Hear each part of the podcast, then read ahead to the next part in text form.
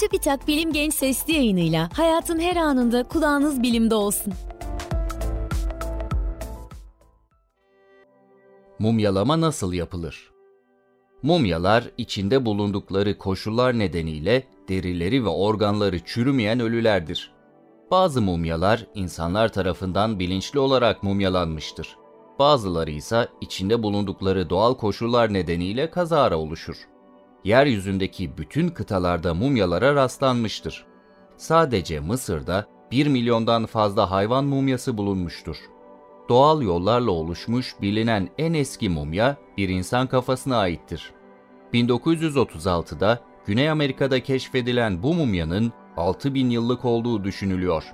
Kasten mumyalanmış en eski mumya ise Şili'de bulunmuştur. Bu mumyanın yaklaşık 7000 yıllık olduğu tahmin ediliyor. Mumyaların bozulmadan kalmalarının nedeni içinde bulundukları ortamın çürümeyi gerçekleştiren mikroorganizmaların yaşamasına izin vermemesidir. Ortam koşulları mikroorganizmaların yaşamasına elverişli olacak biçimde değiştiği zaman mumyalar çürümeye başlar. Mısır'da bulunan mumyaların en eskileri doğal yollarla oluşmuştur. Eski Mısır'da insanlar öldükten sonra çöl kumları içindeki mezarlara gömülüyordu. Çok sıcak ve kuru olan çöl kumları suyun cesetlerden uzaklaşmasına neden oluyor ve böylece çürüme engellenerek mumyalar oluşuyordu.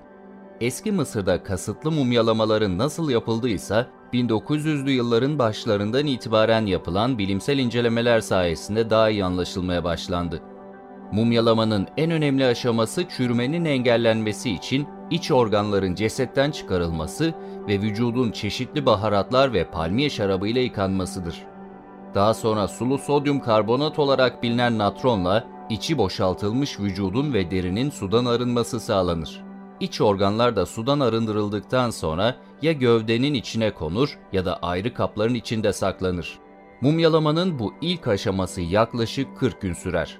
Su cesetten uzaklaştırıldıktan sonra mumya keten kumaşlarla sarmalanır ve reçine ile kaplanarak nemli hava ile temas etmesi engellenir. Böylece mikroorganizmaların ölüyü çürütmesinin önüne geçilir. Bilim Genç Sesli yayınlarını SoundCloud, Spotify, Google ve Apple Podcast kanallarımızdan takip edebilirsiniz.